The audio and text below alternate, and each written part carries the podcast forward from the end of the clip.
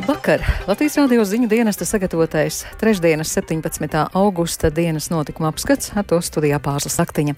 Un vispirms īsi ieskats rētīna tematos. Pedagogi gatavi beztermiņa streikām pieprasa sakārtot slodžu un algu jautājumu esam gatavi pārtraukt tikai pēc valdības lēmumiem, nevis tikai, kad uh, mutiski mēs risināsim. Ministrija no pašvaldībām gaida informāciju par kurināmā resursiem un gatavību apkuras sezonai. Ir pašvaldības, kas ir ļoti saulēcīgi jau pavasarī sākušas gādāt uh, savu uh, vajadzīgos apjomus apkuras nodrošināšanai. Ukrainas bruņoties spēki turpinās uzbrukumus iebrucēju pozīcijām un noliktavām. Mums ir vienošanās ar ASV, ka mēs neizmantosim ieročus, kurus ir piegādājuši amerikāņi un citi partneri uzbrukumiem Krievijas federācijas teritorijā. Bet, ja mēs runājam par Ukraiņas īslaicīgi okupētajām teritorijām, mums šādu ierobežojumu nav. Latvijas izglītības un zinātnes darbinieku arotbiedrība šodien vienbalsīgi lēma, ka 19. septembrī sāks beztermiņa streiku un vairāki desmiti tūkstoši izglītības darbinieku darba vietās neatradīsies. Streiks aptvērs izglītības darbinieku sākot no bērnu dārziem līdz augstskolām. Stāsta Linda Zalāne. Izglītības darbinieki ir gatavi beztermiņa streikam, ja līdz septembra sākumam pedagogi netiks sadzirdēti un valdībā nebūs pieņemti atbilstoši lēmumi. Latvijas izglītības un zinātnes darbinieku arotbiedrības vadītāja Inga Vanaga Latvijas radio norāda, ka viena no arotbiedrības prasībām ir sabalansēta darba slodze. Un mēs nevaram piekrist tam, ka ministrija piedāvā šo slodzes jautājumus risināt vēl sešu gadu garumā un vakances ir ļoti daudz.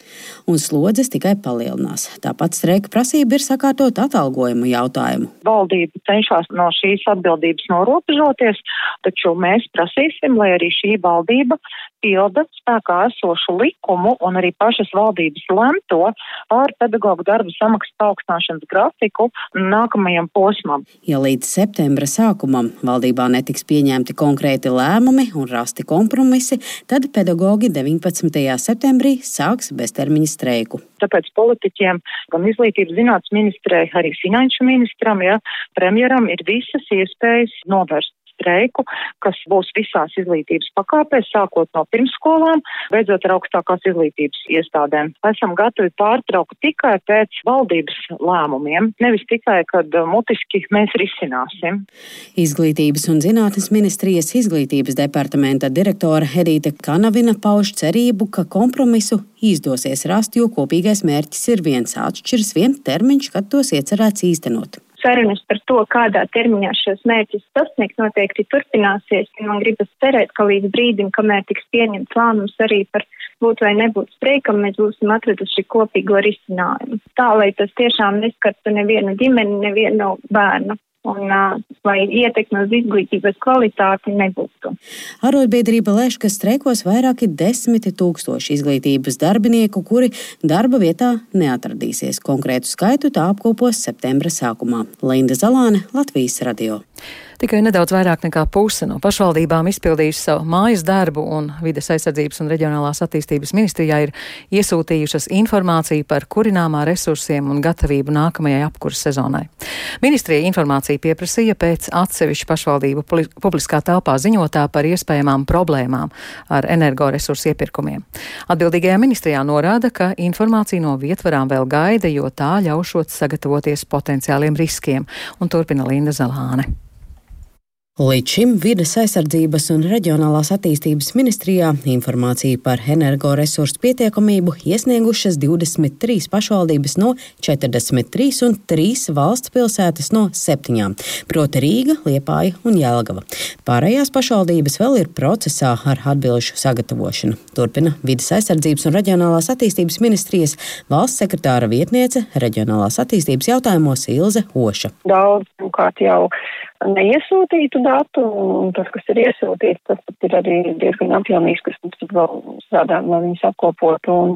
Ilze Hoša pauž, ka pagaidām ir pāragri izdarīt secinājumus, jo katrā pašvaldībā situācija ir cita, bet kopīgās tendences jau iezīmējas. Pašvaldības, kas ir ļoti saulēcīgi, jau pavasarī sākušas gādāt vajadzīgos apjomus apkurs nodrošināšanai, tur problēmas ir mazāk.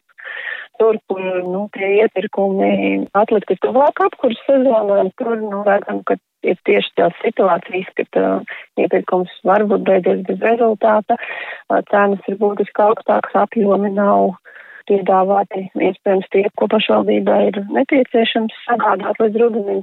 Reizeknes domas priekšsēdētājs Aleksandrs Bartaševits no saskaņas teica, ka nemitīgi notiek iepirkumi gan dabasgāzē, gan granulām un šķeldē. Visi nepieciešamie apjomi nākamai apkura sezonai ir iepirkti. Pat ja ir noslēgti līgumi, nekādas garantijas, ka mēs dabūsim šķeldu un uh, granulas par to cenu, kur ir fiksēta mūsu līgumos. Ja? Un es domāju, ka tā situācija ir absolūti līdzīga visam pašvaldībām. Aleksandrs Bartaševičs pauž bažas, ka situācijā, kad energoresursu cenas aizvien pieaug, iedzīvotāji nespēs samaksāt augstos apkurs rēķinus. Iedzīvotāji pamatoti neuzskatīs tās cenas par taisnīgiem, un tas nozīmē, ka viņiem nemaksās par to siltumu piegādātu. Un tas nozīmē, ka visi uzņēmumi, kas piegādā siltumu, viņi faktiski nu, var bankrotēt. Liepājas domas izpildu direktora vietnieks īpašuma jautājumos Mārtiņš Stīdens stāsta, ka Liepāja apkur sezonai ir sagatavojusies, cik nu tas iespējams šajā situācijā. Ir noslēgta līguma par šķeldes iegādi ar 11 piegādātājiem un vienu gāzes piegādātāju. Gāzes līgums piesaistīts biržas cenai, un tas nozīmē, ka tarifs nākamajā apkur sezonā katru mēnesi var mainīties. Nelielas bažas ir par Liepājas reģionālo slimnīcu, kurai siltumu nodrošina ar gāzi paralēli gan Liepājas enerģija tur ceļ faktiski uzsākus projektu jaunu šķeldu katlu mājas būvniecībai. Vienu uzbūvēja pagājušā gada novembrī, bet tagad būvē vēl vienu. Bet nu, to uzbūvēt varēs tikai nu, jau pēc šīs gaidāmās apkurses sezonas. Mūsu skatījumā ļoti vajadzētu līdzēt droši vien slimnīcām, nu, arī skolām iespējams, bet nu, tādām kritiskai infrastruktūrai, kas nu, ir risks. Protams, tur ir noslēgts līgums, bet tādam salīdzinoši mazam patērētājam, nu, tie līgumi, nu, šodien viņi ir, rīt viņi var nebūt. Varam pārstāve Ilze Oša uzsver, ka ir svarīgi apkopot informāciju par energoresursu pietiekamību pašvaldībās, jo tas ļaus krīzes situācijā rīkoties ātrāk un mērķiecīgāk. Linda Zalāne, Latvijas radio.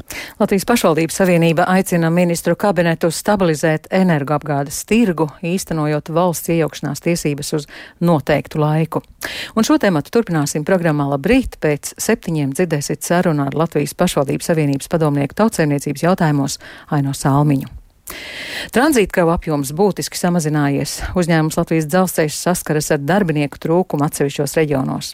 Infrastruktūras uzturēšanai valsts sola atbalstu, vienlaikus dots uzdevums uzņēmumam plašāk pievērsties iekšzemes kravu pārvadājumiem.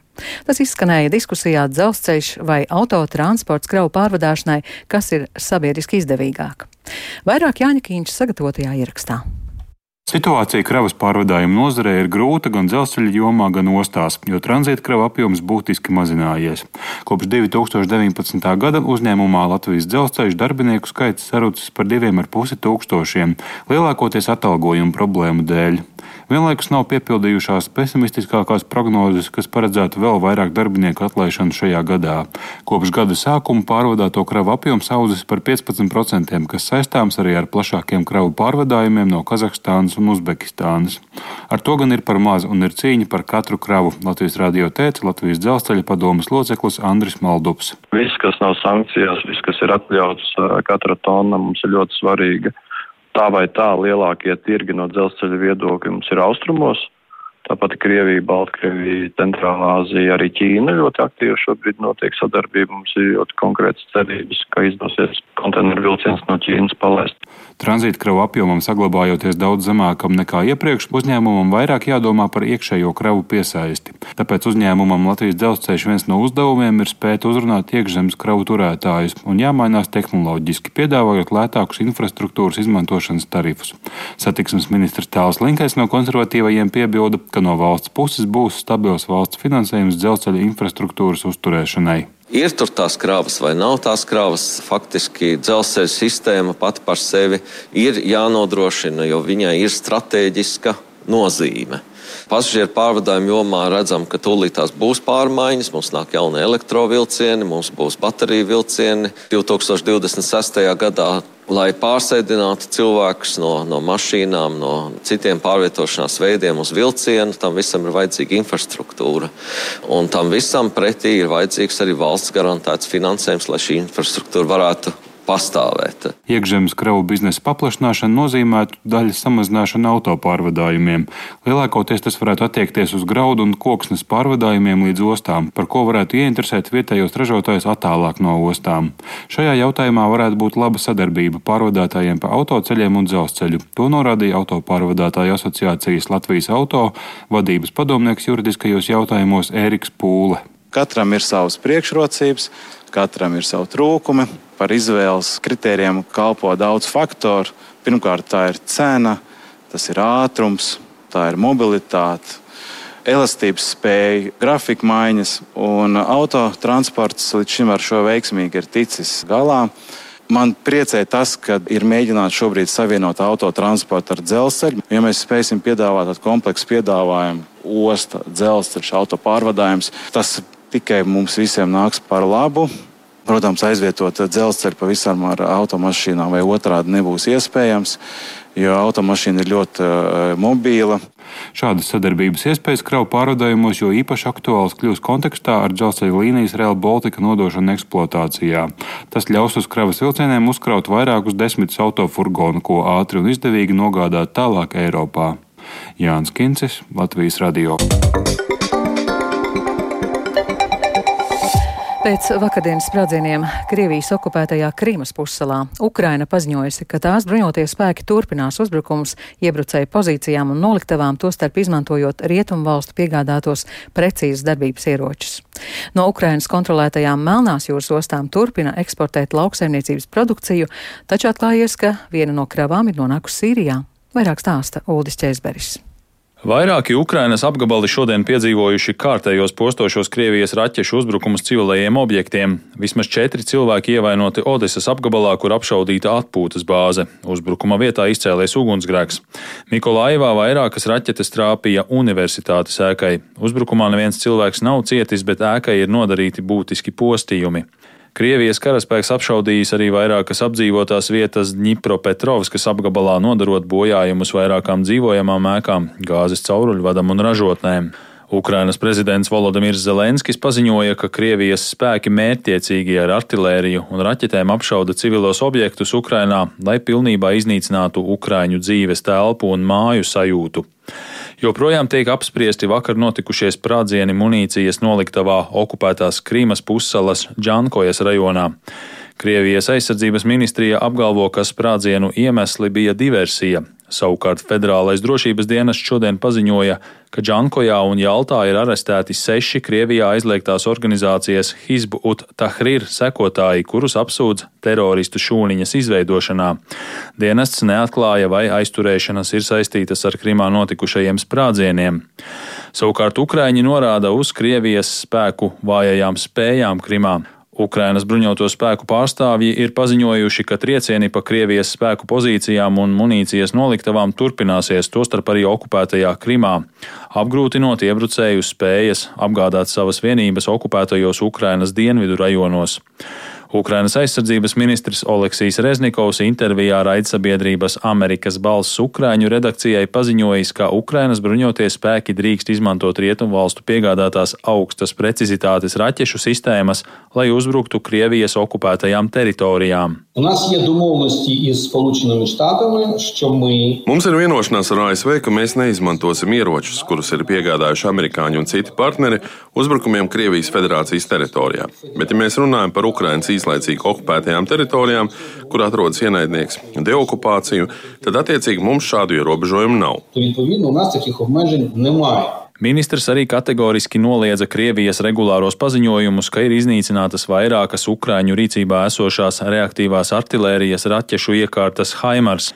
Vismaz pagaidām sekmīgi darbojas pirms gandrīz mēneša izveidotais jūras koridors Ukrainas lauksaimniecības produktu eksportam. Šorīt no Odesas un Čornomorskas ostām Melnajā jūrā izbraukuši vēl četri kuģi ar saules puķu miltu, saules puķu eļļas un kukurūzas kravām. Atklātībā nonākuši satelīta attēli, kas liecina, ka pirmā no Ukrainas ostām izvestā graudu krava varētu būt nonākusi Tartūsas ostā Sīrijā, kas ir Krievijas sabiedrotā.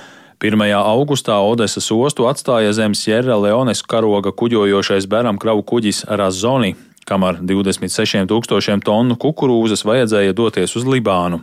Taču labība tā arī nenonāca Libānā, jo turienes uzpircējs pagājušajā nedēļā paziņoja, ka atsakās no kravas. Kopš pagājušās nedēļas beigām nebija zināma Razonija atrašanās vieta, jo kuģim bija atslēgta automātiskā identifikācijas sistēma, kas ļauj tiešsaistē izsekot tā pārvietošanos. Uldis Česberis, Latvijas radio. Vairāk nekā 5 miljoni cilvēku Sičuāņas provincē Ķīnas dienvidrietumos šodien uz vairākām stundām palika bez elektrības, jo reģions piedzīvo rekordlielu karstumu un ilgstošu sausumu. Pēdējās dienās Sičuāņā un blakus provincēs gaisa temperatūra ir pārsniegusi plus 40 grādus pēc Celsija, tāpēc cilvēki meklē iespējas kā atvēsināties. Turpina Uldis Čezberis. Milzīgā karstuma dēļ Sičuāņas provincē ir krasi palielinājies elektrības patēriņš, jo iedzīvotāji intensīvi izmanto kondicionierus un gaisa ventilatorus, lai mēģinātu atdzesēt mājokļus un darba vietas. Taču ilgstoša sausuma dēļ reģionā esošo hidroelektrostaciju rezervāros ūdens daudzums ir samazinājies vairāk nekā uz pusi, tāpēc nav iespējams saražot nepieciešamo elektroenerģijas apjomu. Lai nodrošinātu mājasēmniecības ar elektrību, varas iestādes bijušas spiestas ķerties pie ārkārtas pasākumiem, un likušas rūpniecības uzņēmumiem ievērojami samazināt ražošanas jaudas vai uz vairākām dienām pilnībā pārtraukt darbu. Pirmdien darbu pārtrauca autoražotāja Toyota rūpnīca Sičuaņas galvaspilsētā Čendu, bet pasaulē lielākais elektroautobateriju ražotājs Katl apturēja ražošanu rūpnīcā Jibinas pilsētā. Elektroenerģijas taupības pasākumi Sičuaņā būs spēkā vismaz līdz sestdienai. Un turpinājumā atkal par notikumiem Latvijā. Tiesības sargs un bērnu tiesība aizsardzības inspekcija neatbalsta ieceri ļaut skolu direktoriem lemt par agresīvu skolēnu izglītošanu ģimenē. Eksperti norāda uz kvalitatīvas izglītības pieejamības riskiem. Savukārt Izglītības un zinātnes ministrijas un skolu vadītāju organizācijas ieskatā izglītības likumā jāstiprina pedagoģu tiesības, lai mazinātu emocionālās un fiziskās vardarbības problēmas skolās. Un plašāk par diskusiju Sintīs Ambots ierakstā. Paredzēts, ka šādu lēmumu skolu vadītāji varēs pieņemt, ja skolēns veicis atkārtotu emocionālu vai fizisku vardarbību pret pedagogiem vai skolas biedriem.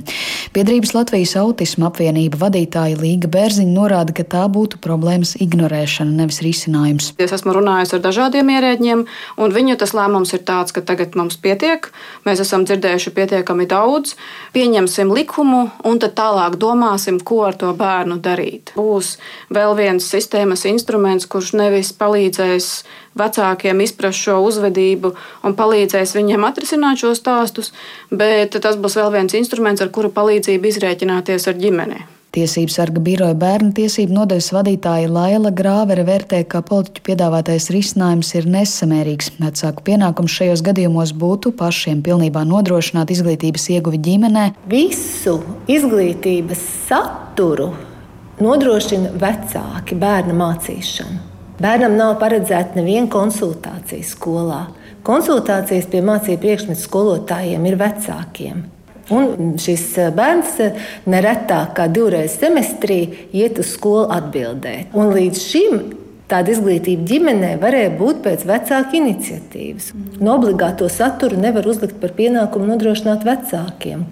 Savukārt Latvijas izglītības vadītāja asociācijas valdes locekle Rīgas 40. vidusskolas vadītāja Jeļena Vedišķeva iezīmē vardarbības problēmu skolās un pārliecināta, ka atkārtoti vardarbīga skolēna apmācība ģimenē ir risinājums, jo nereti šo bērnu vecāki skolotāju un atbalsta personāla teiktajā neieklausās. Mēs nevaram teikt, ka tas ir masveidā.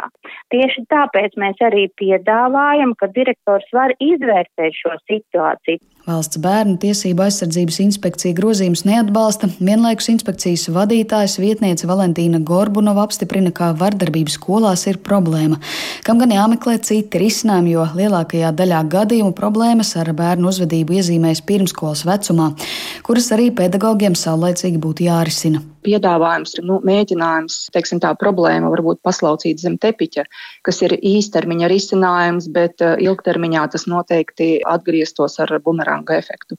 Ejot gadiem, nu, vai mēs esam gatavi tālāk sabiedrībā risināt šīs problēmas. Nekur jau šie cilvēki pēc tam pieaugot no mūsu sabiedrības nepazudīs. Grozījumi tapuši līdz ar diskusiju par pedagoģu tiesībām izglītības likumā, bet konkrēto priekšlikumu iesniegus izglītības ministra Anita Mužniec no konservatīvo partijas, kuras padomnieks Jānis Ozols gan skaidro, kā direktoram, kas pieņems lēmumu par agresīvu skolēnu izglītošanos ģimenē, arī joprojām būs jāuzņemas atbildība par viņu izglītību skaidrs, ka mēs arī nevaram saredzināt eh, mūsu pedagogus, atstājot viņus bezpalīdzīgā situācijā.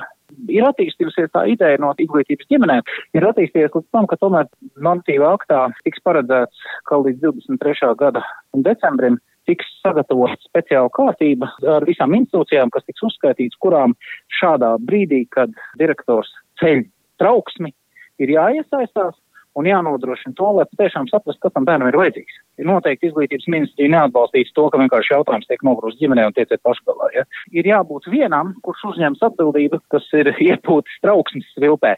Un eh, tas šajā gadījumā visticamākais ir direktors. Saimnes izglītības komisijas vadītājs Arvils Ošerādens no jaunās vienotības norādīja, ka iepriekš vienošanās par atkārtoti agresīvu skolēnu izglītības jautājumu vēl nav panākta un plašāku diskusiju par šiem grozījumiem sola septembrī.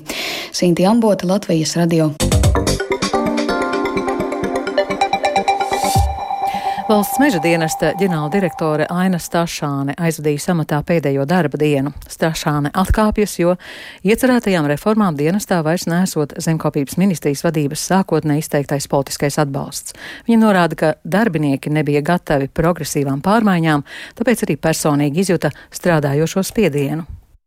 Ministrija līdz šim nav norādījusi, kas tieši ir tas, kas ir nepareizi vai kas manā darbībā nav bijis labi vai neatbilst uh, tiesību normām. Līdz ar to, lai īstenotu šādas pietiekami smagas reformas iestādē, kura tās nav piedzīvojusi vairāk kā desmit gadus, šis politiskais atbalsts ir akūti nepieciešams. Tā kā tā šobrīd vairs nav, tad tādā gadījumā neredzu vairs savu pievienoto vērtību šīs iestādes vadīšanā.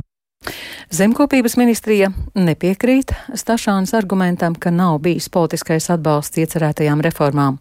Ministra biroja vadītājs Jānis Eglīts no Nacionālās apvienības norāda, ka ministrija atbalsta pārmaiņas valsts meža dienestā un neatkarīgi no tā, kas stāsies Stašānas vietā, reformām ir jāturpinās.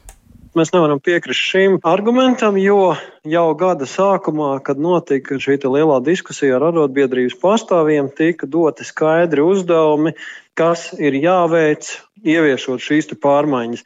Nu, no tā izdarītā, diemžēl, lielākā daļa netika izdarīta, netika veikta šīs diskusijas un konsultācijas ar arotbiedrību, netika pilnībā iesaistīta tieši meža nozares arotbiedrība, kas nu, visvairāk to varētu izjust bet Rīgas Nacionālais zooloģiskais dārzs izstrādājis attīstības vīziju, kas paredz zooloģiskā dārza pārveidi par mūsdienīgu četru sezonu bioparku. Nākamajos 12 gados tiks mainīts zoodārza izskats, veidojot piedzīvojumu takus apmeklētājiem, jauktās dzīvnieku ekspozīcijas, tāpat arī tiks turpināts ieguldīt dzīvnieku aizsardzībā un apmeklētāju izglītošanā, tādējādi palielinot apmeklētāju skaitu līdz pat vienam miljonam gadā. Turpina Rīgas Nacionālā zooloģiskā dārza dzīvnieku kolekcijas departamenta vadītāja Guna Vītola. Viena no lietām, ko mēs piedāvāsim mūsu viesiem, ir piedzīvojuma takas. Otra lieta, ir, ko mēs uh, esam maz izmantojuši, tas ir imersijas ekspozīcijas. Trešā lieta, ko mēs lietosim daudz vairāk nekā līdz šim, tās ir dažādu sugu uh, jauktā, dzīvnieku jauktās ekspozīcijas. Tad pirmo reizi veidojam uzreiz veselu reģionu, šo pastaigu, šo piedzīvojumu rajonu. Turpināsim dot arī ieguldījumu dzīvnieku aizsardzībā un mūsu viesu izglītošanā. Ar to izskan dienas notikuma apskats. Producents Viktors Pupiks ierakstus montēja Krišjāns Stikāns, par labskaņu rūpējās Kārlis Rašmanis, ar jums runāja pārslas saktiņa. Nelīs par svarīgāko. Pedagogi gatavi beztermiņa streikam pieprasa sakārtot slodžu un algu jautājumu. Ministrija no pašvaldībām gaida informāciju par kurināmā resursiem un gatavību nākamajai apkuras sezonai. Latvijas dzelzceļš plāno plašāk pievērsties iekšzemes kravu pārvadājumiem, un Ukrainas bruņoties spēki turpinās uzbrukumus iebrucēju pozīcijām un noliktavām. Šī raidījuma atkārtojums raidierakstu platformās un Latvijas radio mobilajā lietotnē. Yeah.